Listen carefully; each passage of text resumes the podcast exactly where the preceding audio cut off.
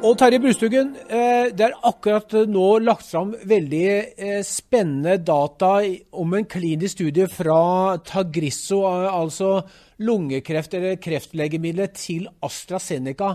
Eh, hva er det som denne studien viser? Ja, dette er en ganske stor studie nå på pasienter som er operert for lungekreft, altså som har et relativt tidlig stadium av lungekreft og som da eh, kan ha fått cellegiftbehandling som det vi kaller adjuvant eh, behandling etter operasjonen for å redusere risikoen for tilbakefall. Og så har det da i tillegg fått eh, en EGFR-hemmer. Dette altså Alle pasientene her har påvist en EGFR-mutasjon. Og Så får det da denne EGFR-hemmeren Tagrisso, som en, et såkalt tredjegenerasjons EGFR-hemmende preparat.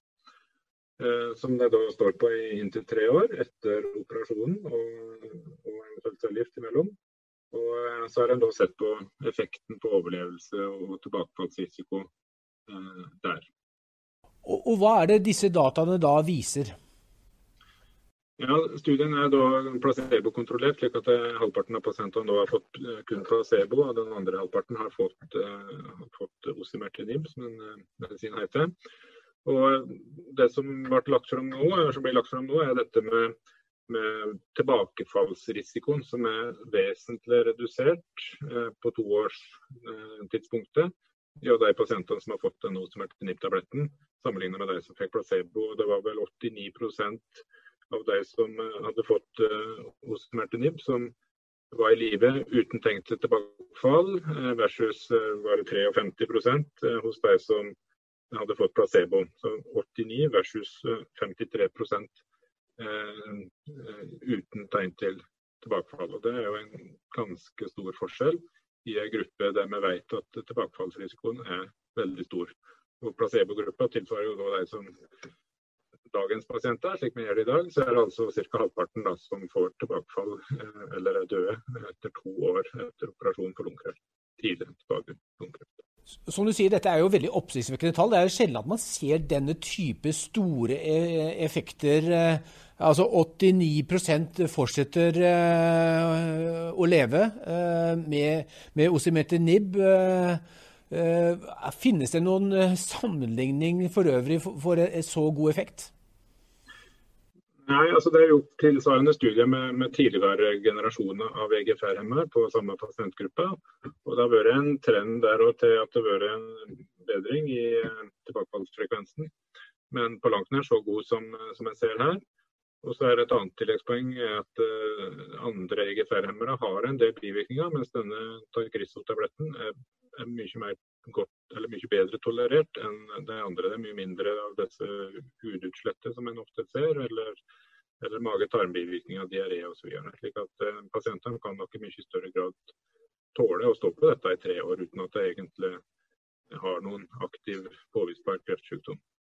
Og Terje Brustugen, eh, for at dette legemiddelet osimetinib skal bli tilgjengelig for pasientene med denne indikasjonen, må det da en indikasjonsutvidelse til eh, og en, en positiv beslutning fra Beslutningsforum? Ja, det er det må. Det har, det har indikasjon for lungekreft med spredning. EGFR-positive pasienter med spredning kan få dette preparatet både i første og i senere linjer hvis de har EGFR-positivitet. Eh, ut fra indikasjonsteksten, men det er foreløpig ikke godkjent eh, til bruk i avanserte sykdomssituasjoner av Beslutningsforum. Og eh, Det må også da en indikasjonsutvidelse til for å få det til å få denne indikasjonen da, på, som adjuvant behandling. Og så må det da igjen selvsagt opp i Beslutningsforum da, for en vurdering der. Um, ja.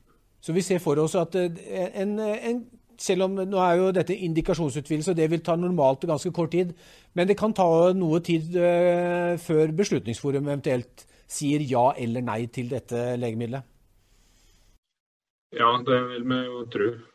Og så er det jo dette med at Vi har jo nå overbevist noen veldig gode tilbakefallsdata, men det vi foreløpig ikke har, er jo, er jo data på totaloverlevelsen. Det er ikke modne nok data for det. men men bare disse tilbakefallstallene er jo så gode at jeg vil jo mene at dette er noe som pasienter bør tilbys.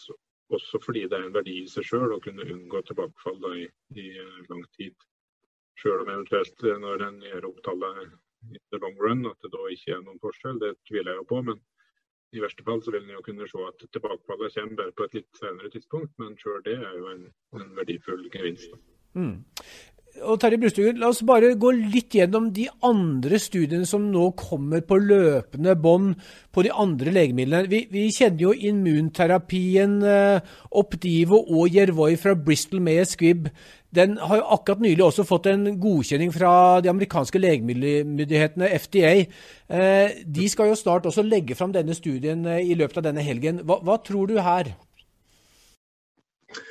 Ja, Vi har sett noen indikasjoner allerede på at uh, den kombinasjonen med, med ipilimumab og nivolumab, som, som preparatet heter, er, er virksomt uh, som førstelinjebehandling i pasienter. og og Det regner vi med at det kommer nye data på som understøtter og forsterker den, den indikasjonen som det, som det, har vært.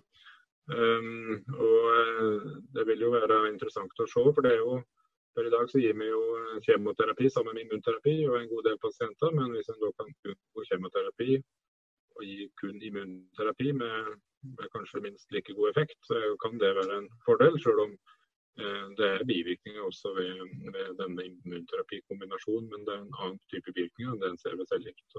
Det kan være nyttig i hvert fall å ha en, en mulighet til, en annen type behandling. Og så vil det jo da bli interessant å se om en kan ja, ha noen indikasjoner på at det ene eh, har bedre effekt enn det andre. Det blir Foreløpig er ikke gjort noen såkalte head-to-head-studie på det. Jeg vet ikke sikkert hva som er den beste kombinasjonen. men men at den har alternativ disse, for disse pasientene, det vil være til glede for deg. Det blir spennende å se. Hvis vi går over til Roche, så har de en immunterapikombinasjon, de også. Tecentrix, som er velkjent, selvfølgelig, men eh, en helt ny eksperimentell immunterapi i tillegg, som heter tiragolumab. Eh, hva tror du vi kan forvente? Det er, det er jo gitt noen forhåndsindikasjoner på, på, på denne studien. Hva, hva, hva, vet vi her?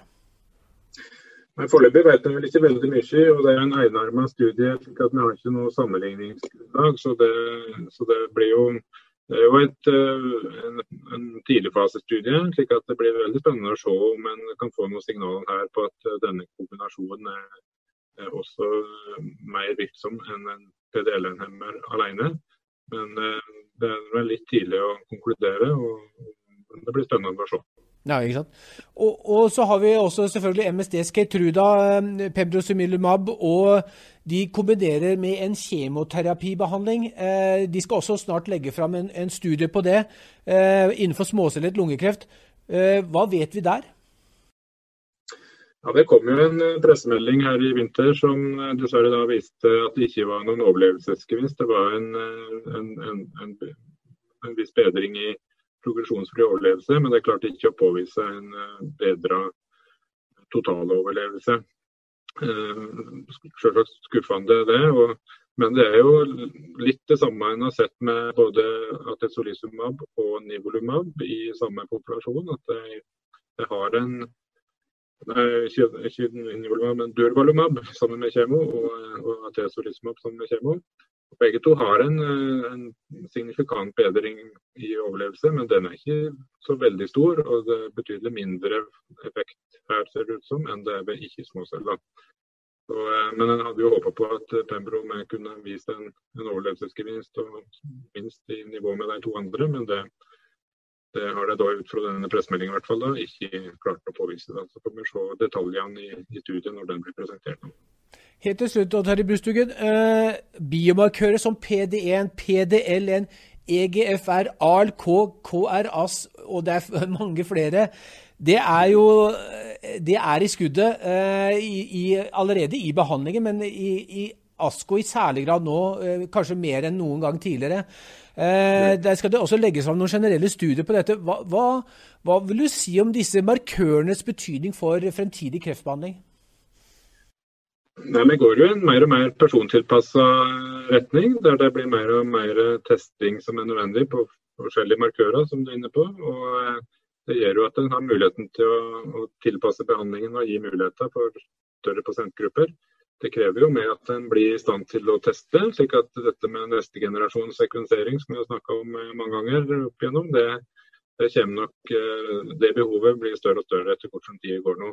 Og så er det også andre veldig spennende markører som kommer som, som, blir interessant å følge med på videre. Dette med mikrobiom f.eks. Tarmfloraens innvirkning på immunterapieffekten er, veldig spennende. og det er det skjer det stadig nye eh, framskritt. Selv om Foreløpig har det vært litt uklart hva slags type bakterier som er relevante. Men, men der er det stadig nye ting på gang. Så det er et veldig spennende biomarkørfelt i seg sjøl. Og Terje Brustuen, tusen hjertelig takk for at du ville være med oss og, og snakke om det vi har i vente av spennende nyheter på ASKO. Hjertelig takk.